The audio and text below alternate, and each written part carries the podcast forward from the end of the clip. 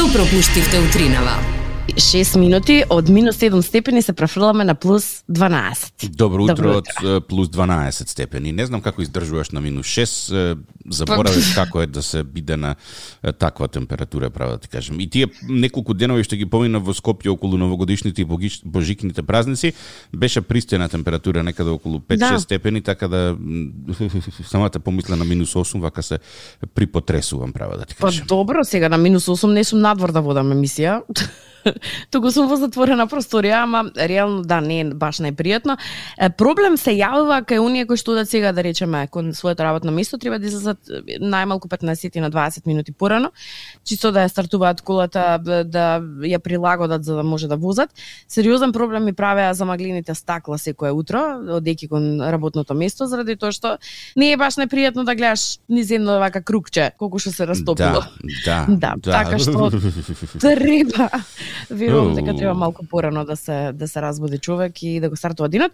Би рекла освежувачки. Освежува. Да, освежувачки затоа што ќе се смрзнат сите оние PM10 и 2,5 честички кои што со месеци наназад леткаат низ воздухот во Скопје, така да една позитивна работа од оваа негативна температура утринава е тоа што воздухот најверојатно е значително почист од тоа што бил изминативе денови. Така да, О, од да. двете зла, реши да го одбереш помалото, барем утринава и се додека е минус, ќе дишеш чист е, воздух. А ќе дишеш чист воздух и на постојките додека ги чекаш автобусите на ЈСП под 9 часот, ќе ти кажеме нема да дојдат затоа што ЈСП ќе штрајкува поради тоа што возачите немаат земено плата уште од месец декември, ќе возат само до 9 додека работната класа и учениците не стасаат на своите работни места и во училиштата, а потоа ќе започнат мене- со штрајкот. Да, тоа тука ме ме збунува малку. Ке вели ке возат додека сите не стасаат на своите работни места. Се тоа работно време некогаш евидентно ќе заврши, нели? Значи, според- дали во 16, дали во 12 кај ученициве, не знам. Е, Пра, мислиш дали ќе возат назад? Па да, треба луѓето некако да се вратат од работните места и од училиштава, да речем ученициве, нели треба да се вратат. А ова ти е клифхенгер ко серија. Таман на најинтересното ќе дојде и буп завршува епизодата. Ај, во следната епизода ќе гледате. Дали Нема ЈСП ништо. ќе ги враќа работниците назад од работното место кон домовите во е, 16 часот или не? Следете ги медиумите, некој ќе пренесе таква информација, па ќе знаеш на што си и искрено се надевам дека ќе возат за тоа што да си одиш назад на минус 8, кои што до вечер може да станат и минус 9-10. е, Да, не не е баш пожелно. Од- Не е пријатно, ама тоа е тоа. Што се случи е, на аеродромот во Белград и дали тоа беше резултат на некомпетентност или е, нешто друго? За 5 минути остани на Радио 2. Вчера и денеска во текот на денот општ хаос на аеродромот Никола Тесла во Белград предизвикан од е, невнимание, несовесност на возач или кој знае што. Имено крив кој друг ако не скопјаните Македонците. авионот од на јат кој што лета од Скопје до Белград вчера, откако слетал на белградскиот аеродром и откако патниците влегле во автобусот кој што ги пренесува до соодветниот гейт или излез, наместо да биде оставен на точка А, каде што требало да биде оставен, по грешка на шоферот, кој што најверојатно е увезен од некаде, биле оставени во Шенген зоната, иако не поминале пасошка контрола. И во моментов кога надлежните органи на Белградскиот аеродром го сватиле тоа, решиле дека треба уште еднаш да ги препроверат сите патници, кои што во тој момент биле околу неколку илјади, па специјална полиција дошла, го испразнила аеродромот од тие неколку илјади за да повторно ги препроверат, во меѓувреме престанала нова пасошка контрола за да не се внесат нови луѓе во таа транзит зона и ти настанал општ хаос. Тој општ хаос резултира со еден куп одложени летови е, вчера и во текот на денешниот ден, додека сите тоа не се процесира, а е, грешката, најверојатно истрагата ќе докаже дека била м, human error. Е, кога интересно, кога доаѓав во Скопје, исто така летав преку Белград? Белград, да. Е, и мислам дека шоферот на автобусот исто така тргна да направи таква грешка. Прво застана пред една врата, е, ги отвори вратите од автобусот, па од таму се стрча некој човек и почна да мафте и вика влегувајте, влегувајте внатре, па mm -hmm. му покажа нешто право право на возачот на автобусот, поведи уште малце повозен, остае пред една друга врата и рече која еве вие транзит зоната. Така да протоколи очигледно не функционираат онака како што треба. Не се знае кој јаде, кој плаќа. Инаку е, крајот на, на сето тоа резултирало со тоа што од аеродромот им се извиниле на сите патници. Е, whoop ти do. Пази, замисли, имаш лет поврзувачки, нели? И треба да слеташ на Белград и од Белград да продолжиш, не знам, да леташ таму каде што сакаш и сега ти доцни летов од Белград, нели? И автоматски ги пропушташ сите на тамошни авиони кои што треба да ги фатиш и тебе од аеродром ти се извинат. Извини ти так. да. Ништо простено ви следна прилика. Мислам, стварно не знам, во меѓувреме па еве додека ќе слушам за ова што се случувало во во Белград, гледам дека не секаде така идилично да речеме или само поминува со извинување или со доцнење на авиони. Британци пак тргнале на одмор кон Канарите, па па се степале во авион и принудно морал авионот да се лета. Леле. Дека нешто специјално се случило, подоцна не се случило. Ништо едноставно дошло до нерадоразбирање дел од патниците, па тоа завршило со боксови шлаканици и клоци, за да на крај морале да интервенираат и самите патници заради тоа што нели екипажот кој што е вклучен, односно кој што работи во авионот не успеале. Мислам ти замисли сега маш разгневен и стюардесана, да, молам, господине, ве молам, мислам, нема ве молам, ќе ќе те помина. Не така само тоа, морале... толку многу, толку малку простор имаш во авионот, лимитиран си практично, што нема каде да одиш. Значи, тој ќе се буткаш тука пол метро широко од прилика и тоа е тоа. Mm -hmm. Тоа е тоа. И е, на крај виделе, на виделе едноставно не можеле да решат ситуацијата, наместо да завршат на Канарите, завршиле на друг аеродром од каде што потоа биле предпоставам пренасочени оние кои што не правеле проблеми да го продолжат летот, ама знаеш, секогаш заради еден некој Јас ова поинаку би го завршил. Наместо Канарите завршиле во притвор. се не сите, делот тие. Па да, да, да, ама сега тоа ќе го дознаеш ако го ама... прочиташ остатокот од текстот Зорке, не, сега ти Апсолутно не, друго сакам да ти кажам. Значи, заради двајца кои што се истепале на летот, другиве морале да чекаат, односно натаму, нели, да, да им се усложни патот до Канарите. Истава ситуацијава заради некој еден наместо овие кои што летале од Скопје да продолжат нели со своите патишта, исто така чекале, а и сите останати. Сакам да ти кажам дека секогаш е еден или двајца се криви во во ситуацијата, сите други нели инвол, не инволвирани всушност се инволвирани заради тоа што исто така пропуштаат се друго, нели понатамошно заради тие двајци. Сега си викам дали е фер. Па Колку не, треба да си неодговорен за да заради твоја грешка страдаат толку многу луѓе. Така е.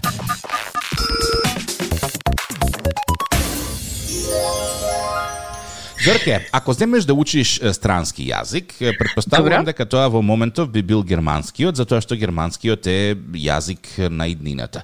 Во Германија од 18 јануари многу полесно до работа ќе ќе има измени во законот кои што ќе овозможат на секој кој што сака да работи да отиде таму, да си добие работна дозвола и да тргне во потрага по подобар живот.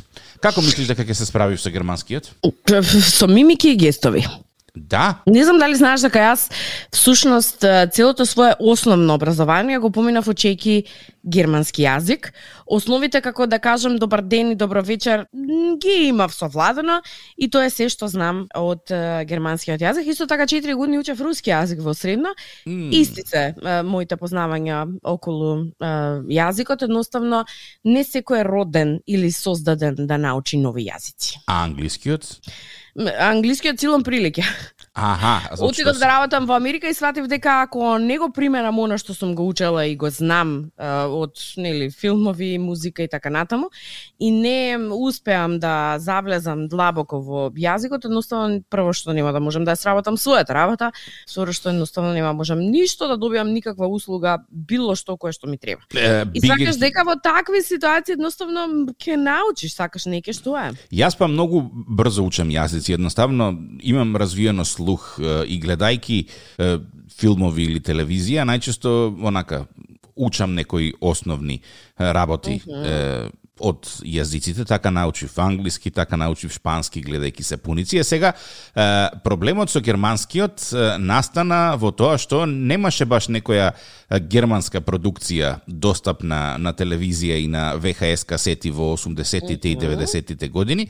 Најчесто тоа беа филмови за возрастни, кои што беа снимани на А германски. И таму сега... многу, многу не можеш да Не. подфатиш некој збор. Значи сега силом прилике, нели, ти решен си да учиш јазик, бараш материјал за учење јазик и имаш само некој тамо Хелга Шприцел на филм и сега ти почнуваш и ги учиш оние основните работи. Ја, ја, ја, ја, ја. Е, потоа одиме бите, бите, бите, шнел, шнел, шнел, шнел, шнел и нели тие тие фрази се повторуваат зависно од тоа во кој контекст се повторува фразата, ти доаѓаш до заклучок што таа фраза значи. И велиш тик-так, ти си подкован со германски. И одиме некаде 1998-9 година во Германија, во супермаркет, една касиерка си работи онака лежерно, една баба си купува работи со онаква количка за, за влечење и доаѓа моментот да се плати. И баба вади едно новчаниче за метални Леле. пари и почнува да ги брои парите. Почнува да ги брои парите, германски марки ми се чини дека се уште беа тогаш, почнува да ги брои парите бабави, ја е, нервозен почнува да вика, «А, шнел, шнел, шнел, шнел, шнел. Ти се најдеш, Нел, шнел. ми се најдеш, нел? Ти И наеднаш, наеднаш добивам еден прекорен поглед од касиерката и од бабава. И викам, аха. Нешто не е добро. Ја, ја гледам уште и викам, заборев бите да кажем, викам, шнел бите. Дали бите тој ја поправи работата? Јас гледам, погледот станува уште почуден. Добро. Викам, можда требаше ја, ја да кажам, викам, ја, ја, шнел бите. Не. Што се случи на крај? Продолжија бледо да ме гледаат. Леле, И нешто тоа пробав со, со гестикулација, знаеш, да да Аха. да да да објаснам, викам ја куршлус, куршлус, фрау, куршлус, Ау, фрау. ау. Леле Зорке како ме гледа, викам брук.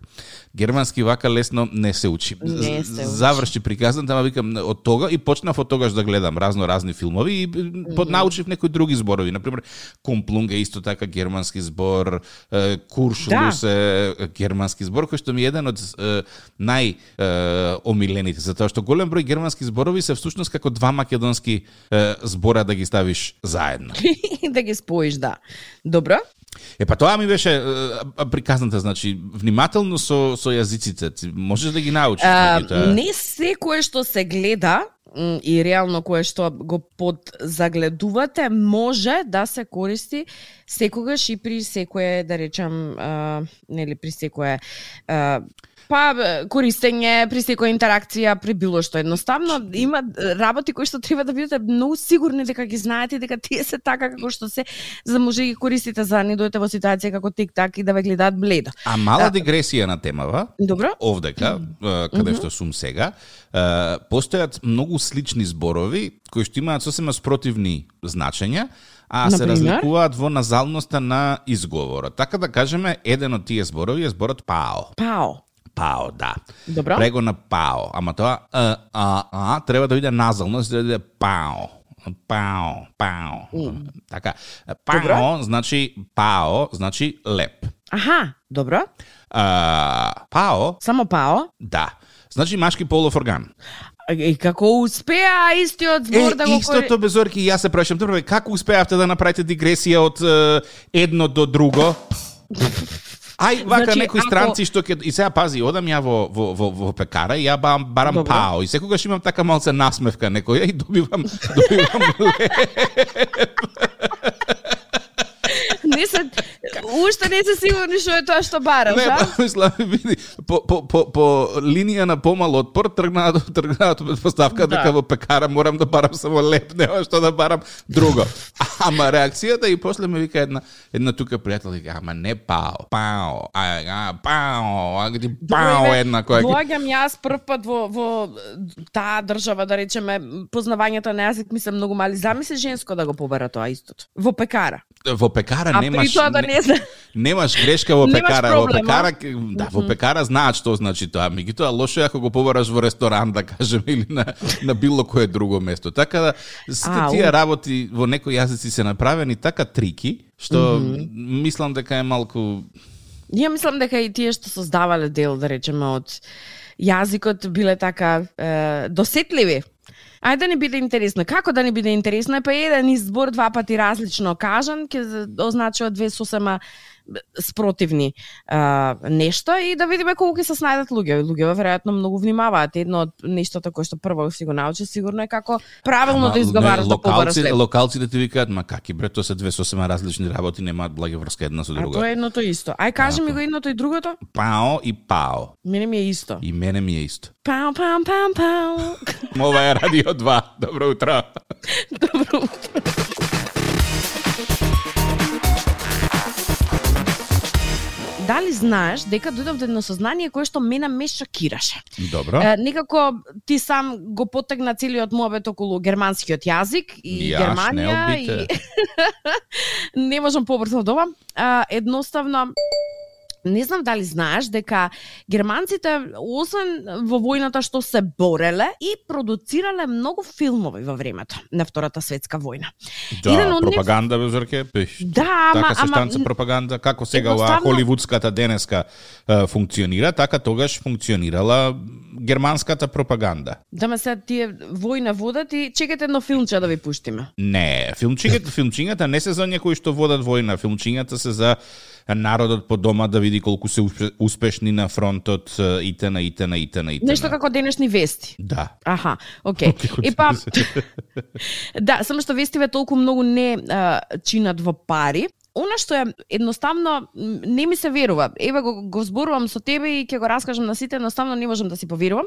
Не знам дали знаеш дека многу многу многу години пред да излезе овој Титаник кој што ние денес го знаеме, кој што собра толку многу награди, Оскари. Едноставно мислам дека мало дете да прашаш Титаник, го знаеш, го знам. Да, Леонардо Ди Каприо и Кейт Винслет. Да, е па пред многу години, во 1943 година, е снимен првиот Титаник на германски јазик, како германска пропаганда, со а, цела германска екипа и се верува дека е еден од најскапите филмови некогаш снимен до тогаш.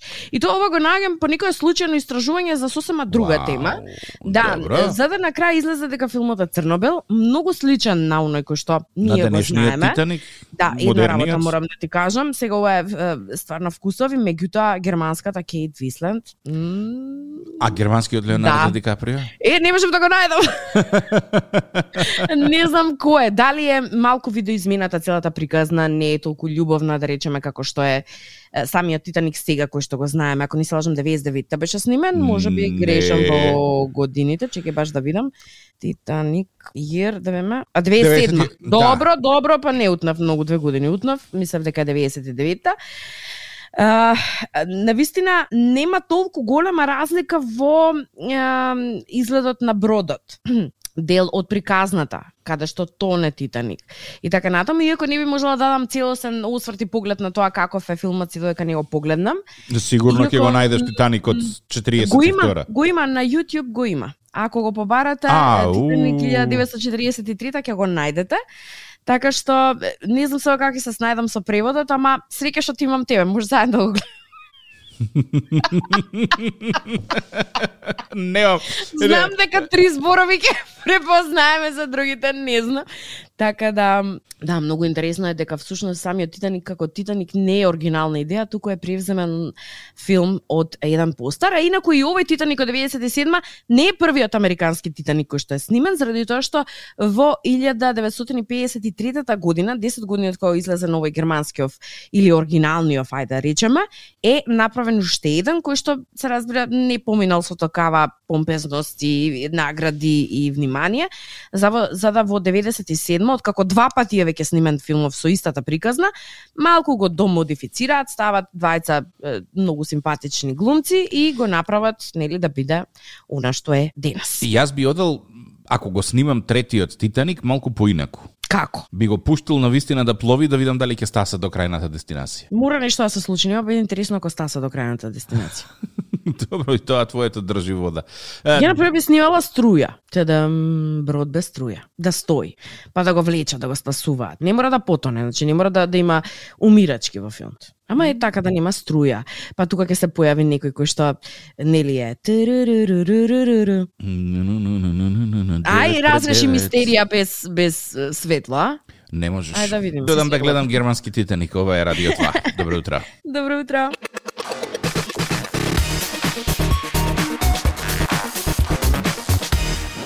И зорка.мк, а TikTok сме на TikTok и Зорка сме на Facebook и на Instagram. Со оглед на тоа што денеска ја започнуваме новата е, сезона, време е да ја започнеме и нашата редовна акција за прибирање на што е можно поголем број следачи на социјалните мрежи. Таргет се уште бројката од 10.000 толку блиска, Можеме. а толку недостижна. Па мислам дека Сушност, што е тоа што не можеме? Пфф. Не може да не видите, само ама и дрвен според. Не може се друго може. Така што ве повекуваме повикуваме ако не сте а, фанови или наши пријатели на Facebook и на Instagram, а, во следните неколку секунди, ако може да добијам секундарник, ве молам. Ете го така. да пристапите кон а, превземање на вашиот мобилен телефон, куцање тик-так и зорка на Инстаграм и на Фейсбук и за следување. Ај уште еднаш секундарник ќе те молам. Тоа е Добро, тоа. добро, додека ги е, гледам новите за следување. Поздрав до битола минус 11 во моментов. Ау, ми студи само што ќе помислам. Колку верни следачи рипнавме? Има, има, има, чекај сега, ми се Добро. закржлави мобилниот. Чекај малку. Акцијата ќе продолжи, акцијата ќе продолжи утре, количините се ограничени. Само до Така е. 10.000 одиме. Откако ќе станеме над 10.000 следачи, ќе престанеме да бараме потенцијални следачи, затоа што тоа може да носи некои други реперкусии, како што носи реперкусии во Италија. Што има таму? Таму има закон Добро. за инфлуенсери. Над 10.000 важи ги фаќа не, над милион ги фаќа. Значи, за сите инфлуенсери. Добро. во наводници и не во наводници, кои што имаат над милион следачи, во иднина во Италија ќе мора да следат строги процедури и да пријават кој контент односно која содржина им е платена, а која содржина не им е платена. Оваа одлука стапува на сила откако регулаторното тело во Италија е, реши да воведе ред во, како што велат тие, хаосот кој што владее на социјалните мрежи, затоа што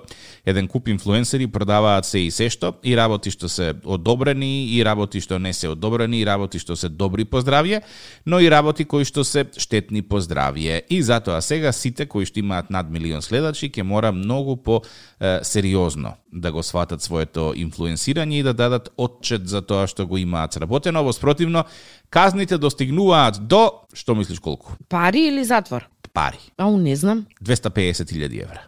У, па баш ќе се подзамислиш дали.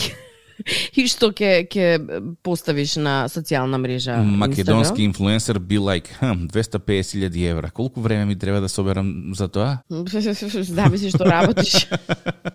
Така да Некои преку ног ги собираат, ама некои ако трпнат цел свој живот ги собираат и на крај не може да ги соберат, така што пак ќе речем зависи од твоите постапки, а оние кои што реално имаат толку голем број наследници, навистина треба да бидат многу внимателни околу контентот кој што го ам, создаваат, заради тоа што ам, многу од помладиве не го разбираат тој свет на маркетинг и на пиар и сео се она кое што го носи еден инфлуенсер сам со себе. Јас се надавам дека во иднина ќе се создаваат многу посвесни инфлуенсери, не само на светско и глобално ниво, туку и кај нас. А, имајќи предвид дека не е само да го споделам колку да се сподели, туку дека те следат и помали, а, да речам, помлади луѓе кои што се малку по па не толку едуцирани да речеме како возрастните, возрастните веќе неколку пати си имаат изгорено па знаат каде да дуваат.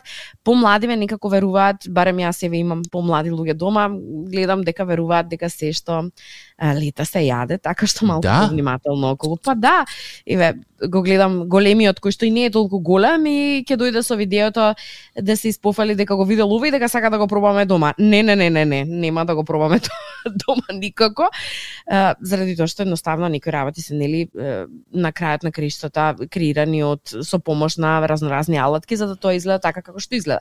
Така што треба да бидеме малку повнимателни и како родители да дзирнеме од време на време или да ги замолиме помладите да споделат што е на што што следат, чисто да видиме во која насока се движи нивното размислување, а и нели да бидеме позаинтересирани е, за тоа колку време се поминува на мобилен телефон, но и како инфлуенсери некои кои што имаат одреден број на таргет публика, малку поодговор, малку поодговорно, тоа е се што е, се бара.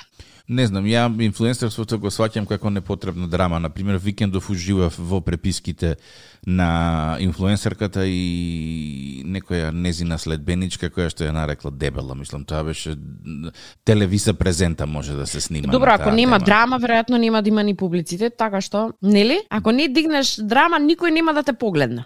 Се согласувам. Добро утро. Добро утро.